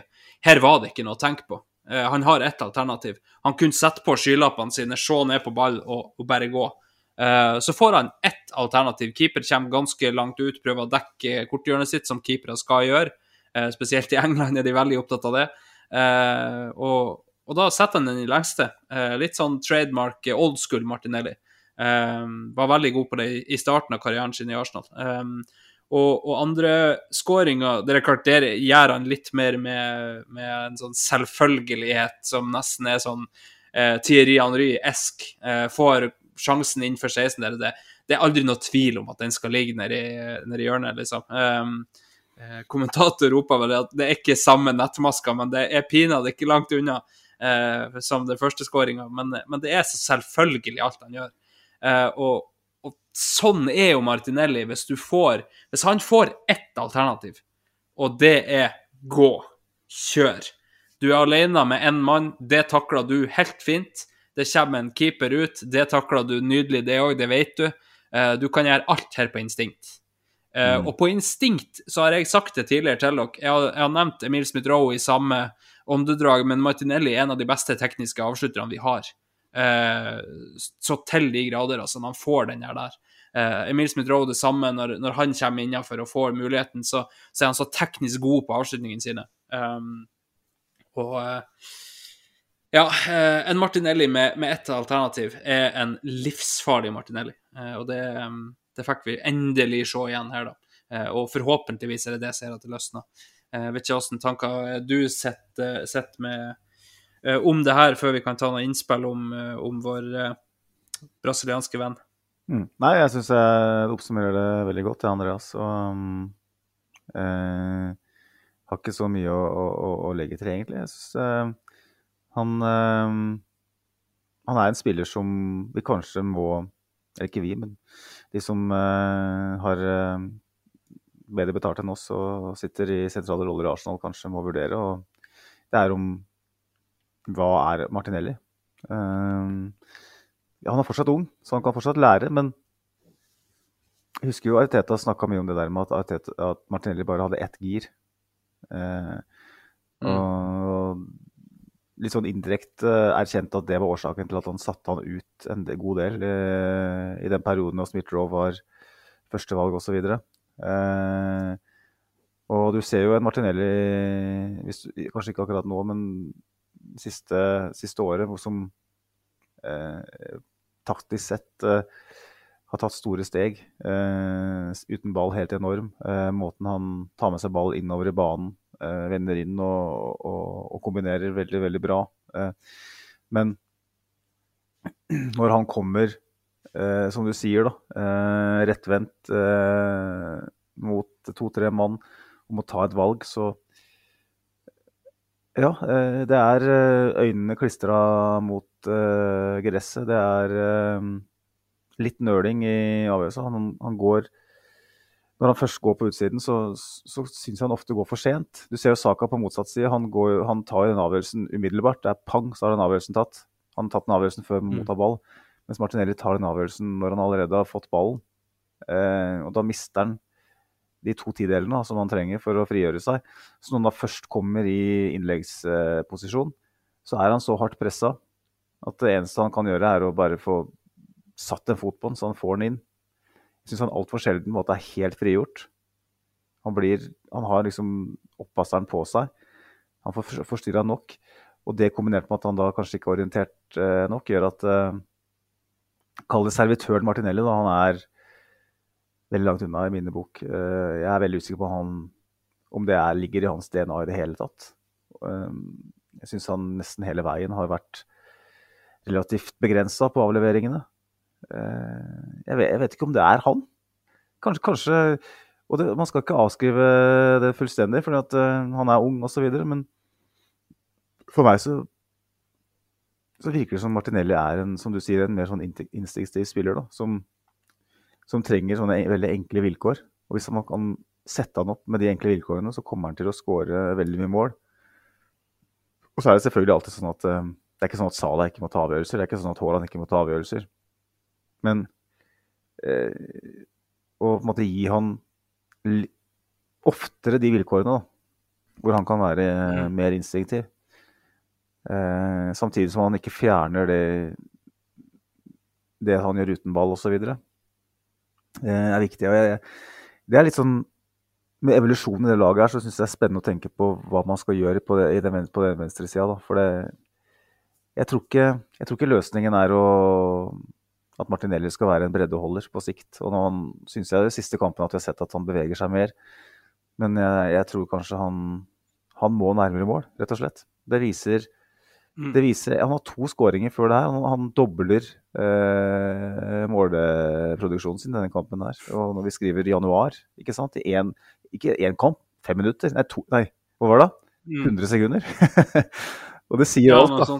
Det sier veldig, veldig mye i min bok. Eh, her har vi en spiller som, som ikke Som helt åpenbart har et mm, eget ansvar òg, for at det har blitt som det har blitt. Men jeg tror også det handler om måten han har brukt på. Også. Jeg tror her, her, er en spiller som vi kan få mye, mye mer ut av. Og ikke Ja, det er lett å tenke at ja, men kan vi ikke bare bruke den som en superinnbytter? Nei, vi kan ikke det.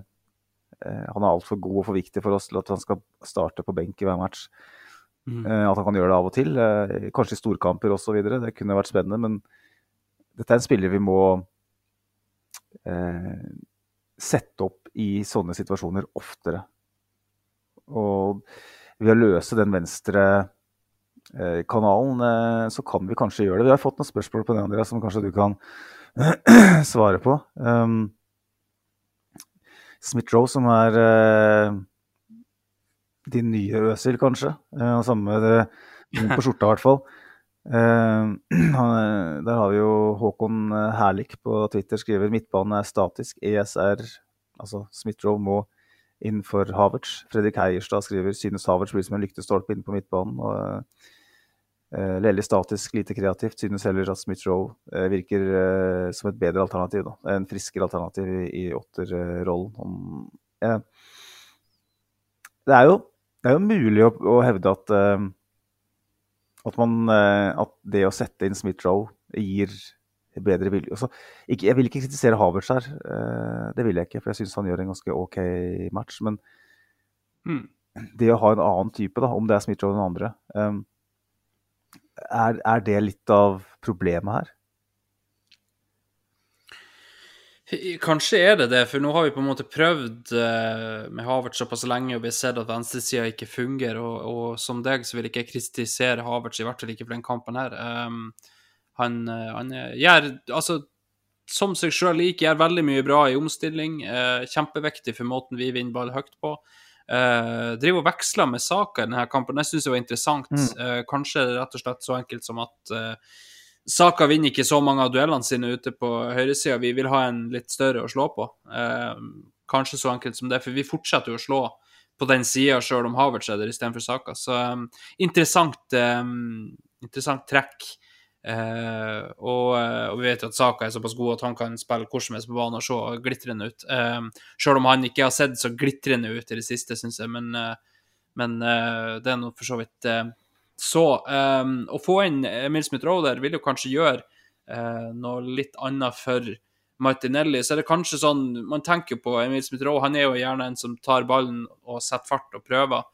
kanskje det vil gå litt i næringa på Emil Smith-Roe, på samme vis som eh, at Sjaka Eller ikke Sjaka, men at Havertz skal komme inn i det rommet, eh, som da gjør at Martinelli må holde bredda. Kanskje det ødelegger litt for, eh, for eh, Martinelli, men eh, jeg vil jo si at Emil Smith-Roe kanskje er mer lik, Sjaka på de løpene enn det Havertz er. fordi at Emil Smith gjerne liker å komme utenfra og, og, og komme på de avslutningsmulighetene, um, som Sjaka òg til dels gjorde. Um, det er i hvert fall tydelig at vi er nødt til å gjøre noe annerledes for å få Martinelli ordentlig i gang. Eh, når han får muligheten her med litt mer rom, med, med plass framfor seg og beskjed om å gå på mål, så er han eh, Altså, du, du, kan ikke, du kan ikke ikke sette opp en så god spiller til det han er god på. Eh, det blir liksom uh, i en ekstremversjon at Ståle Solbakken står og sier at ja, det, vi kom ikke til EM, men vi spiller veldig bra. Jo, jo, men du har ekstreme fotballspillere i det laget. Du kan, ikke, du kan ikke spille på et system da. Da må du gjøre de spillerne så gode som mulig, da. Da må du sette opp Haaland til skuddmuligheter så ofte som mulig. Du må sette opp Ødegaard rett utfor 16. For det er det de ekstreme ferdighetene er der til. Mm. Eh, og litt mindre versjon av det da, til, for i klubbfotball er du nødt til å ha et system, men, eh, men når du har en som er så god som Martinelli er, så er du nødt til å få, få, det ut av han. Ja. For det skylder du faktisk både Martinelli og fansen og laget. Eh, og, og, da er det kanskje sånn at når du ber han om å sleike ritt hele tida, så får du ikke det beste ut av han. Eh, det, eller kanskje, det er jo ikke tvil om. Mannen skåra 15 mål i fjor. Uh, I år har han fire. Så det er ikke tvil om at du ikke får det beste ut av han nå. Hadde ikke vært for de 100 sekundene mot Palace, så hadde han stått oss opp med to. Eh, så yes. det er jo eh, marginer sånn sett også, fra å være enda mer skrekkelige tall. Og her syns jeg, det synes jeg er en interessant vinkling også, fordi at dette er jo det Klopp er så jævlig god på. Eh, mm. Han har jo spilt på sine angripers eh, styrker så til de grader. Han har jo fått så utrolig mye ut av av de, de spillerne. Og han, han ofrer jo en del eh, kontroll for å muliggjøre det. Eh, og så er kanskje da Arteta eh, og Guardiola for så vidt også eh, mer der at systemet er eh, viktigere enn enkeltspillerne osv. Så. Eh, mm. så den balansegangen er jo Det å finne den er jo utfordringa her, da. Og jeg føler jo at Eh, både Klopp og Arteta kan sikkert eh, nærme seg medianen mer fra hver sin side. Eh, men jeg føler jo at Arteta definitivt har en, en utfordring med å, å klare å, å, sette opp de beste offensive spillerne sine i de rollene hvor de virkelig kan være giftige. Og, men jeg synes, jeg, det, det, er jo det som vi har hele tida Eh, selv om Mariteta og Arsenal har tatt store steg, så har vi hele tida vært der at eh, og Sånn vil det alltid være. At man etterlyser progresjon og etterlyser at man løser problemer som har ligget der. Og det syns jeg han har gjort også. Så syns det er eh, spennende, veldig spennende å se. For det er helt åpenbart at det her er, er et problem. Og jeg, jeg, jeg, jeg, sier det igjen, jeg tror ikke jeg tror ikke vi kommer til å få det beste ut av Martinelli hvis han på en måte i første rekke må være en, eh, en kreatør mer enn han er en målskårer. For jeg tror det er målskårer han er. Og med mm. en spiss som da ikke er målskårer, så blir jo det Så trenger du målene til Martinelli. det gjør det, og du trenger målene til Saka, ikke sant. Um, mm. Mer trygg på at Saka klarer å være begge deler. Men Martinelli, han, han tror jeg må rendyrkes mer som en, uh, en målskårer. Og så vet vi at Martinelli kan slå innlegg. Det er jo ikke for ingenting at han tar corner. Eh, men det blir et helt annet eh, premiss å slå innlegg på. Du står upressa og, og, får slå eh, sånn som du vil. Eh, og så blir det kanskje vi, Det er jo et håp, da, at med sjøltillit nå, at Martinelli kan prøve litt mer innover, prøve på skudd av og til. Da vil du automatisk få mer rom når du faktisk går utover. Mm. Eh, hvis du kan variere. Eh, det var jo det som så så lovende ut i, i den ene kampen vel, der PP fikk prøve seg på venstresida. For da hadde han plutselig ikke bare ett knep. Da, da, måtte han innover av og til og utover av og til. Eh, og da skjønte plutselig ikke forsvarsspillerne hva de skulle gjøre med PP. Um, Sant. Og så, så er endt opp i, i, Tyrkia og ikke i Arsenal, så uh, det Ja. Det er nå en digresjon i seg sjøl, men, men Kanskje er det det som skal til. Han er nøyd til å få sjøltillit nok til at han kan gå innover uh, av og til. Eh, for nå har det vært veldig mye bære utover. Eh, og, og, da Det blir på en måte akkurat sånn som med alt annet her i verden. Hvis, hvis du vet hva som skjer, så er det jævlig lett å forhindre det. Og, um, og, da er det liksom Når du vet at Martinelli får ballen, tar et halvsekund og går utover, så er det faktisk bare å lede ned til dørlinja. Eh, og det er klart, nå når, når Gabriel skårer to mål i hver kamp på dødball, så, så tør jo ikke folk å, å, eh, å, blokkere ut til corner heller. Så de innleggene kommer til å komme inn i boks, de nå, Magnus. Ja. Eh... Vi får tro det. At, at man klarer å, å melke sitronen på, på riktig vis. Um, jeg vet ikke, nå er du, du ordstyrer, Andreas, men hva er liksom neste punkt på programmet her? Før vi um, Nei, vi har jo, vi har jo på en måte prata oss gjennom Vi har jo fått innspill på det her med Martinelli, da. Vi kan jo nevne det sjøl om vi på en måte har prata om det. Um, Magnus Indridasen følger opp det vi sa i stad, med uh, hvor mye trengte Martinelli de skåringene på overtid. Eh, og Lasse Kirkevolden sier at jeg tror dette var veldig bra for Martinelli. Likte godt å se Trossar der, og tror det kan være Eh, bra å sette inn på Martinelli eh, hvis man ser det ikke fun Eller sette inn på Trossard hvis man ser at det ikke funka for Martinelli.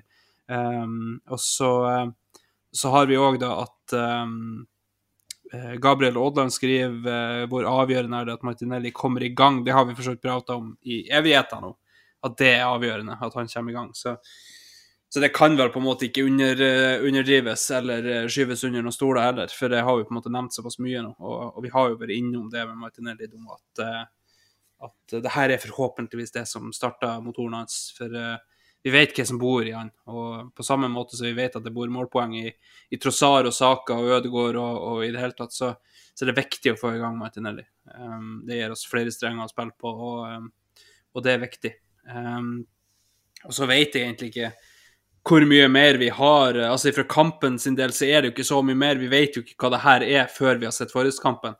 Uh, vi vet ikke om det her er en reaksjon, eller om det er bare en sånn her uh, liten blipp, og så er vi tilbake til gamle synder. Uh, nå er det jo Nuno Espirito Santo og Forrest som kommer i, i neste kamp, så mm.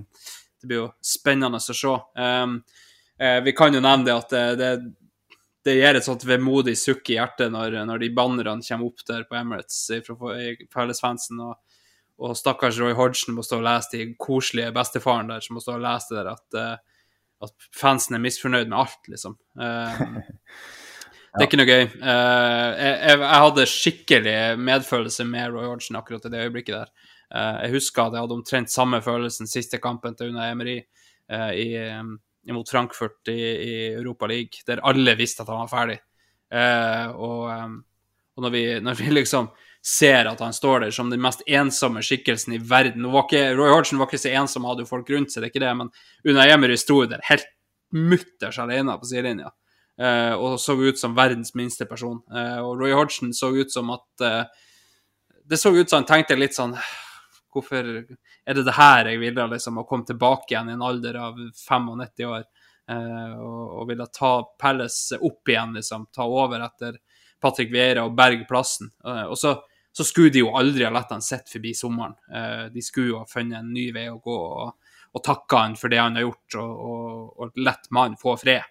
Eh, men eh, det måtte jo på en måte ende sånn her da, når han skulle sett en hel runde til, på en måte. Um, ja, og det... Så ser vi Potter på sidelinja, eller på tribunen, og, og Steve Cooper ryktes i det hele tatt, så man sitter vel ikke til sommeren.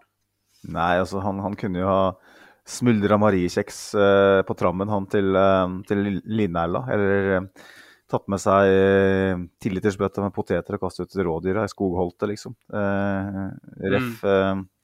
pensjonistrollen. så det er jo litt trist å se, selvfølgelig, men samtidig så eh, tror jeg nok de ser gjennom fingra på det. Det er, ikke, det er ikke Roy Hodgson som er problemet, det er, det er klubbdriften. Og nå sier si ja, det, da, at eh, uh, Ese, som har vært Hale End-gutt, eh, syns jo uh, ensom uh, svale som uh, ikke gjør noe sommer, for all del, men virkelig er en ensom svale også i, i det Pallax-offensivet der. Uten mm. Olise, selvfølgelig. Uten en, en Saha som ikke er der lenger.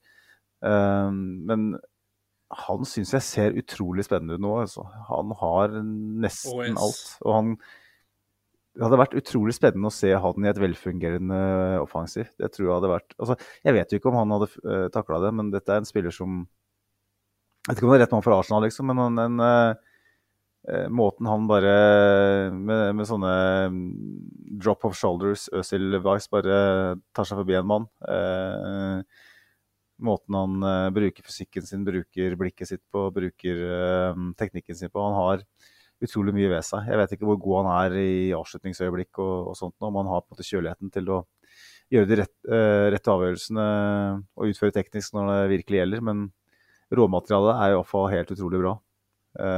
Så det er jo spennende å se da, hva som skjer med han. Har en kobling til Arsenal fra før. Uh, og så skal vi kanskje minne om at uh, Nottingham Forest, da, som er vår motstander når vi skal på eh, live podkast på Cars, de så jeg spille mot Brentford i går. Og um, ble ikke imponert i det hele tatt. Mangla både Elanga og Morgan Gibbs White. Jeg er usikker på om Mm. det var ute mot Arsenal. Hvis begge de er ute mot Arsenal, så tror jeg vi klarer oss ganske fint uten Declan Rice. For det har jo vi også fått noe innspill på, uten at jeg husker hvem. Um, er det um, du som er Du er jo på en måte fysioterapeuten i podkasten. om ikke selvutnevnt, så er det iallfall utnevnt av meg. Når eh, Rice da sier eh, åpenbart uh, Alle de lepp, uh, leppeleserne på Twitter, og de er det jo da flere millioner av, som sier at han sier 'hammy' til uh, Smith-Roe, altså hamstringskade.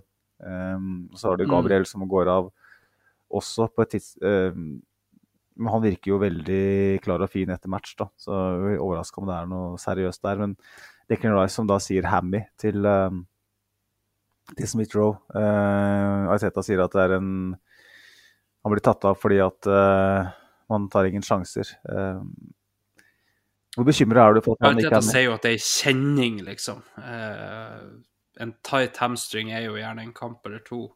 Eh, men eh, hvis det er bare at han kjenner bitte, bitte lite Vi må jo håpe at han ikke er en sånn Ben White-type som bare ah, jeg har nå egentlig røket i hamstringen for en to-tre kamper siden, men jeg har ikke orka å sagt noe. For eh, eh, det, det er bedre å bare få spille, liksom.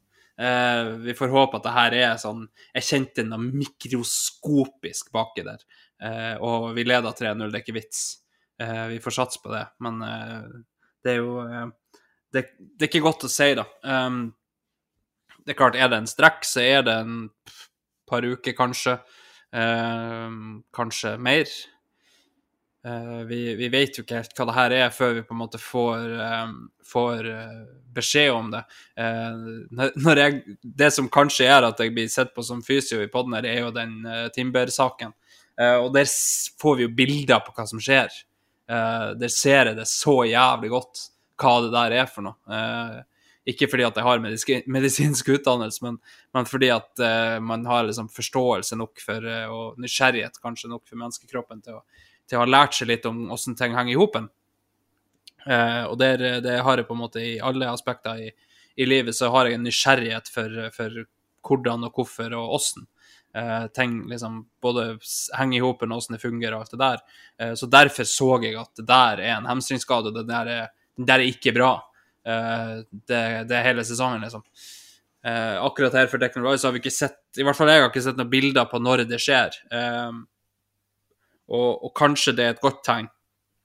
For producer leter jo garantert etter 'Å, der kjente han det', eller 'Der var det et eller annet'. Men han sitter bare plutselig nede.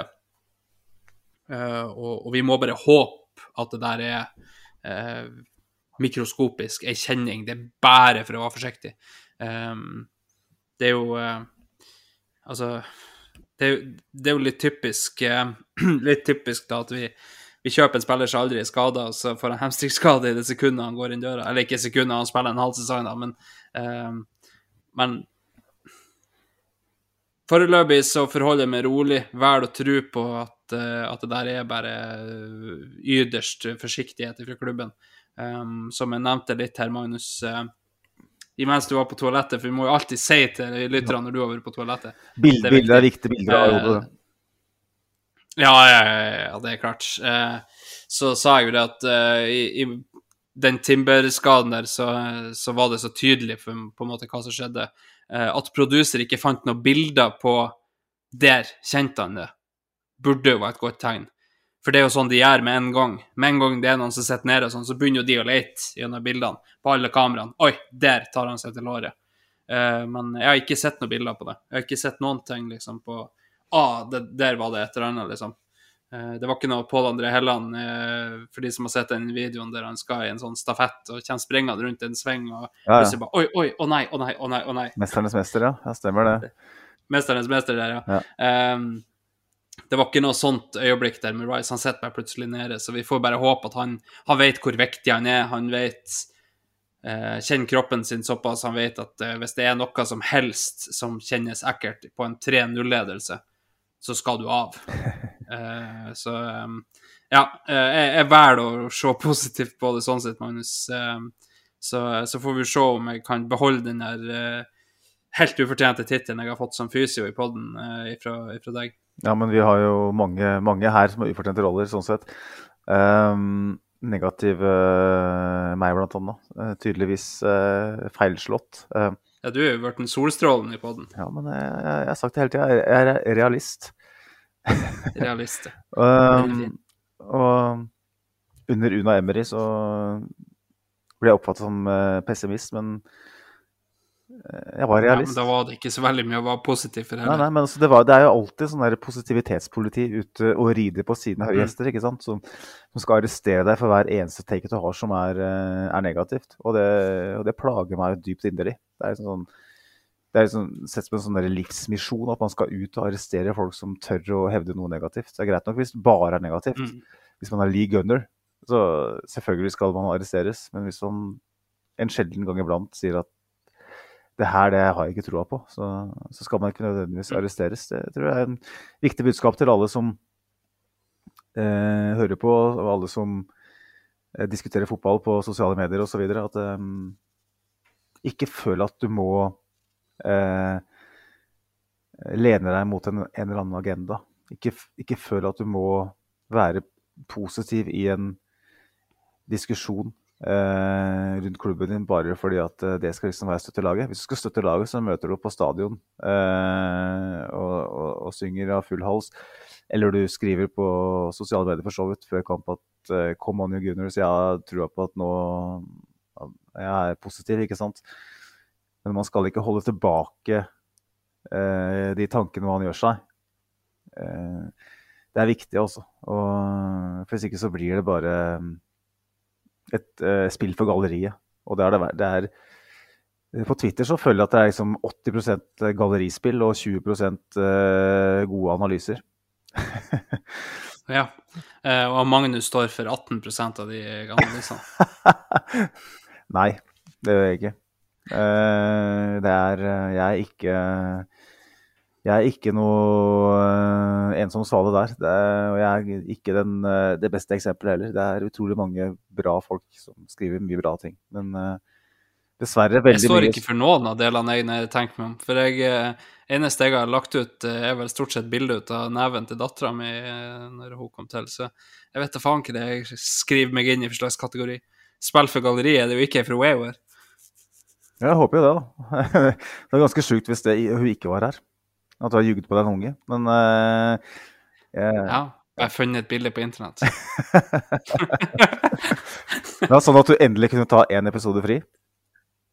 Ja, leita etter det. Du, hadde du visst hva, jeg satt her med abstinenser når dere Jeg visste at å, nå rigga de seg til. Og, ah, nå, og så begynte jo der eh, meldingen etter episoden å tikke inn. Jeg bare, ah, skulle gjerne vært en del av det her, liksom. Istedenfor å sitte hjemme med svigers. Ja. eh, Sånn er det. Svigers i hermetegn. Uh, mm. I den kjelleren på Lurøy der eh, Eller du, du, er, du bor i en sånn husbåt, gjør du ikke det? Jo, jo, det er klart. Altså, jeg, jeg bor jo i laksemæra ute, Mm. ute i lag med laksen. ja. Gladlaks. Gladlaks, ja. Nei, men Andreas, eh, jeg merker jo det at etter å ha vært ordstyrer i en episode, at jeg lett tar på meg den hatten. Eh, og jeg må jo bare si det at eh, eh, det blir eh, en viktig og spennende oppgave for deg å være ordstyrer da i, Oslo, så jeg skal prøve å ikke, ikke blokke deg så mye som jeg gjør nå. Men eh, Jeg tenker jo at vi kanskje bør nærme oss slutten. Kjenner for en eneste gang Jeg tenker, tenker det jeg òg, at vi er jo for så vidt ferdig med det vi skulle gjennom. Vi runder en og en halv, det er jo egentlig det vi liker å tro at vi skal være. Uh, og så blir det altfor ofte 1,47, men mm.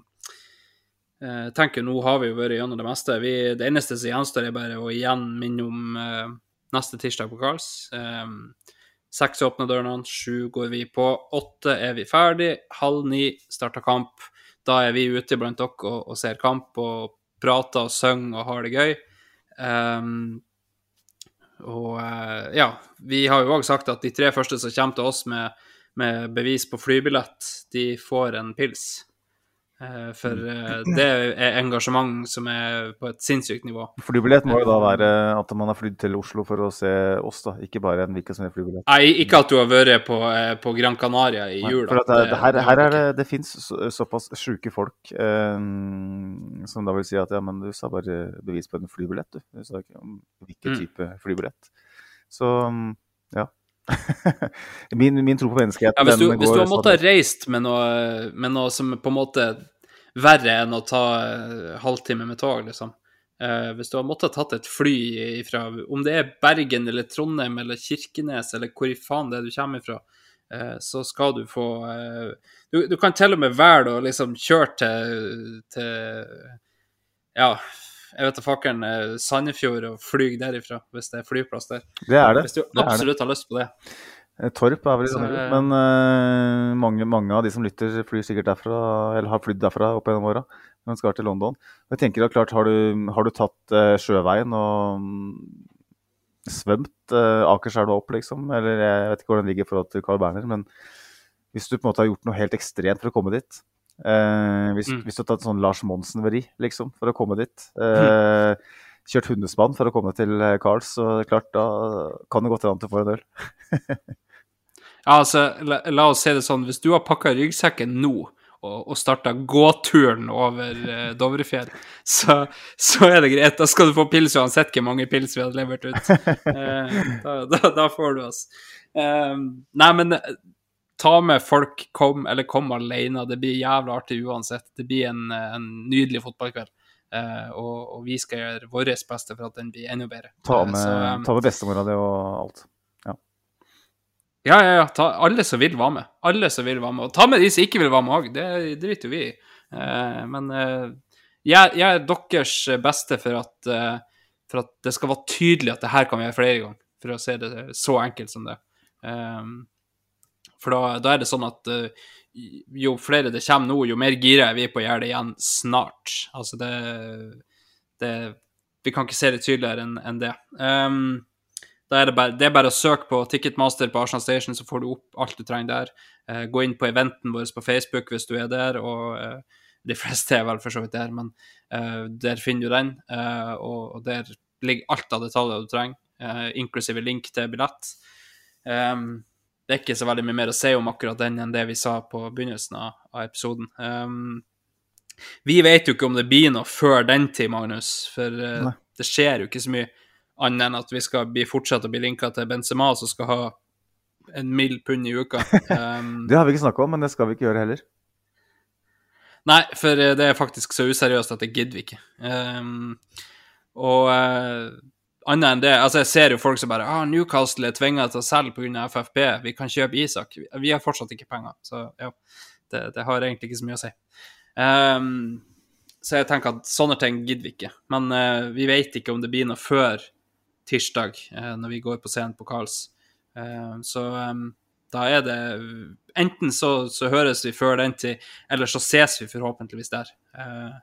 For, og for alle de som da vi har fått ganske mange meldinger uh, fra folk som da av ulike årsaker ikke kan komme dit. Det har vært spørsmål om vi kan streame det live. Det har vært spørsmål om vi kan legge det ut som en episode. og det, Per nå så har vi ikke noe svar på det, egentlig.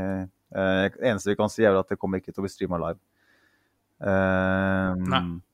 det handler litt, det handler litt om at det, det, skal være for de som, som møter opp og, og, og bruker kvelden sin på det. Uh, det er ikke for å diskriminere de som bor i Bergen, Stavanger, uh, Vadsø, Løten, uh, Frankfurt, Dubai. Det er bare sånn det må være på et sånn type arrangement. Så får vi se om Mm. vi finner en løsning på å ta det opp, for det, det har vi ikke snakka om Carls med. Men ehm, vi er uansett tilbake på lufta ganske kjapt etter, etter det. Kommer til å fortsette med vår, vår skjeve gang på, på Spotify osv. Så, videre. eh, så eh, Ikke så skjevt som øyenbrynene til Jesus, men dog. ikke så skjevt som øyenbryna våre heller etter eh, Nottingham Forest. Så um, det, blir, eh, det blir jævlig hyggelig. Um, og bare følg, med, følg, følg da med på våre kontoer på Facebook og Twitter. Vi er ikke på TikTok. Kanskje er jeg for gammel, kanskje er du for gammel. Stivert er ikke for gammel, men det er en annen sak. Eh, sånn at følg med på Twitter og, og Face, og så får vi se hva vi finner på eh, i mellomtida. Men eh, hvis du er lei spam om eh, Carls den 30. januar, så bør du kanskje styre unna.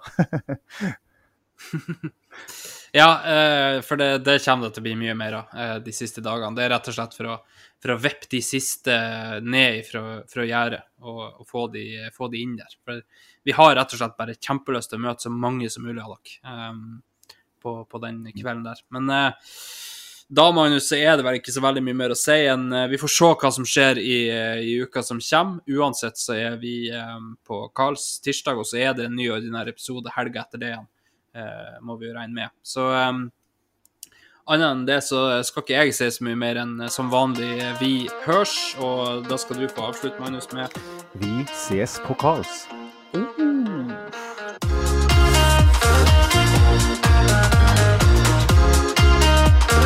This train terminates here.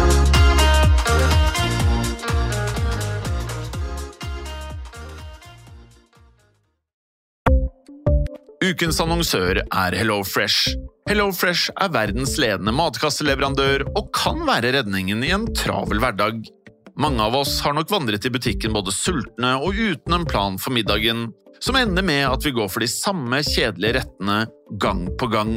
Middag burde være dagens høydepunkt. Som HelloFresh kan du nå velge mellom 25 ulike retter hver eneste uke, eller få HelloFresh til å sette sammen menyen for deg. Dette gir deg muligheten til å prøve nye og spennende retter alene eller sammen med familien. Du velger antall porsjoner og får alt levert på døren på et tidspunkt som passer for deg. Oppskriftene er enkle, og maten er lett å lage både for store og for små. Ved å få alt levert hjem får du også mer tid til å dele matgleden med familie og venner. Kanskje det frister med asiatiske tacos eller greskinspirert kylling? Da kan jeg anbefale deg om å gå inn på hellofresh.no. Her kan du bruke koden FOTBALL og få opptil 1779 kroner i rabatt på de første fem matkastene hvis du ikke har prøvd HelloFresh tidligere. Du kan også bruke rabatten hvis du har vært kunde og stoppet abonnementet ditt for tolv måneder siden eller lengre. Gå inn på hellofresh.no og bruk koden FOTBALL. Har du et enkeltpersonforetak eller en liten bedrift? Da er du sikkert lei av å høre meg snakke om hvor enkelt det er med kvitteringer og bilag i fiken, så vi eh, gir oss her, vi. Fordi vi liker enkelt. Fiken superenkelt regnskap.